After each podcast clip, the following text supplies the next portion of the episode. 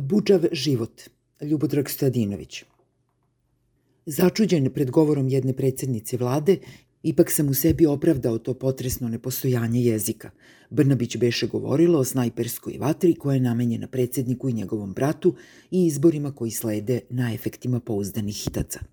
Hoćete da dobijete vlast pomoću snajpera u svakoj mesnoj zajednici. E pa neće moći. To je bio sažetak pretnje i obećanja sa najvišeg mesta izvršne vlasti. Ovo je sasvim slobodna parafraza premijerkinog važnog ispada o zaštiti brata, koji inače i nije ništa drugo u ovoj državi nego brat, koga brat voli kao brata. To beše tema u prethodnom tekstu na ovom mestu pod naslovom Snajperista Brnabić, pa sam kao autor koji se trudi koliko može da se bavi ozbiljno i najmalo umnim ispadima, bio uveren da sam taj posao nekako priveo kraju. Bio sam u zabludi, naravno. Ovdašnji javni govor pun je neobičnih i nepojemno važnih mentalnih oseka. Pritom e, te su eskapade atrakcija sama po sebi. One i postoje da bi nas dovele do još jednog nivoa propadanja posle koga nema dalje. Naprosto dalje ne bi moglo da postoji. Ali ipak postoji i kraja mu nema – Premijerka blista u svojoj kreativnosti, ona je dragulj u Ibijevoj kruni i na vrhuncu je svoje oficijalne frivolnosti.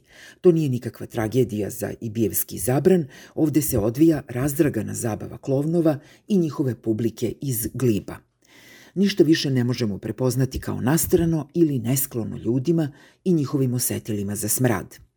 Šta je dakle zanosno u premijerkinom novogovoru, dostojno novinskih pa i književnih tema u misaono usahloj Srbiji?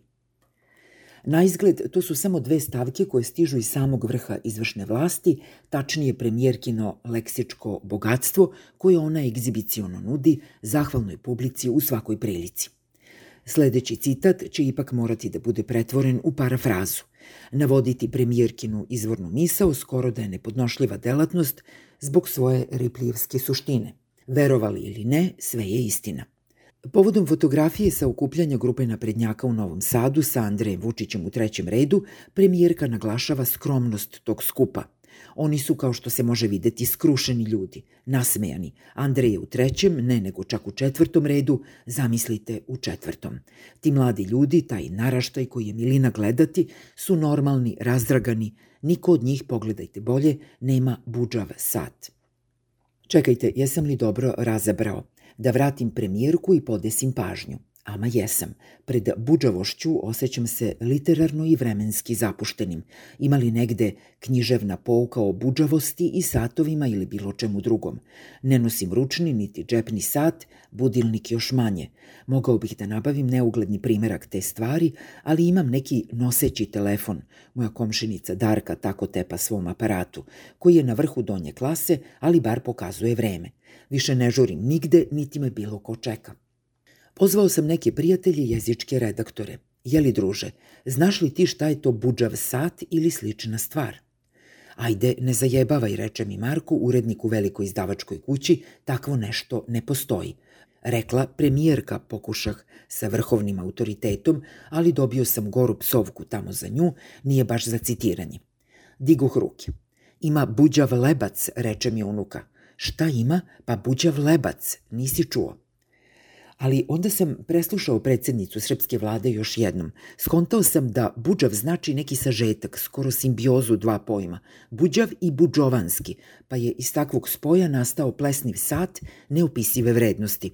To je odmah dodatno podiglo premijerkin ugled u mojim očima, a okolnost da sam nekako u magli video složeni pojam iz njenog raskošnog govornog opusa ispunio me gordošću koju upravo objašnjavam sebi. To nije sve – Odmah posle traktata o satovima koji su nahvatali buđ, a nose ih samo džilasovci, premijerka je svoj dar onostranog literarnog pripovedanja obogatila još jednom bravurom. Govoreći o društvu u kome se našao Andrej Vučić, rekla je i ovo. To su sve mladi ljudi, puni radosti i elana, orni i bahati.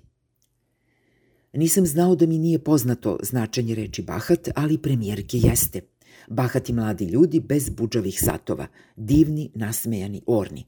Tako govori kraljica Srbije pod budnim okom buđavog vladara.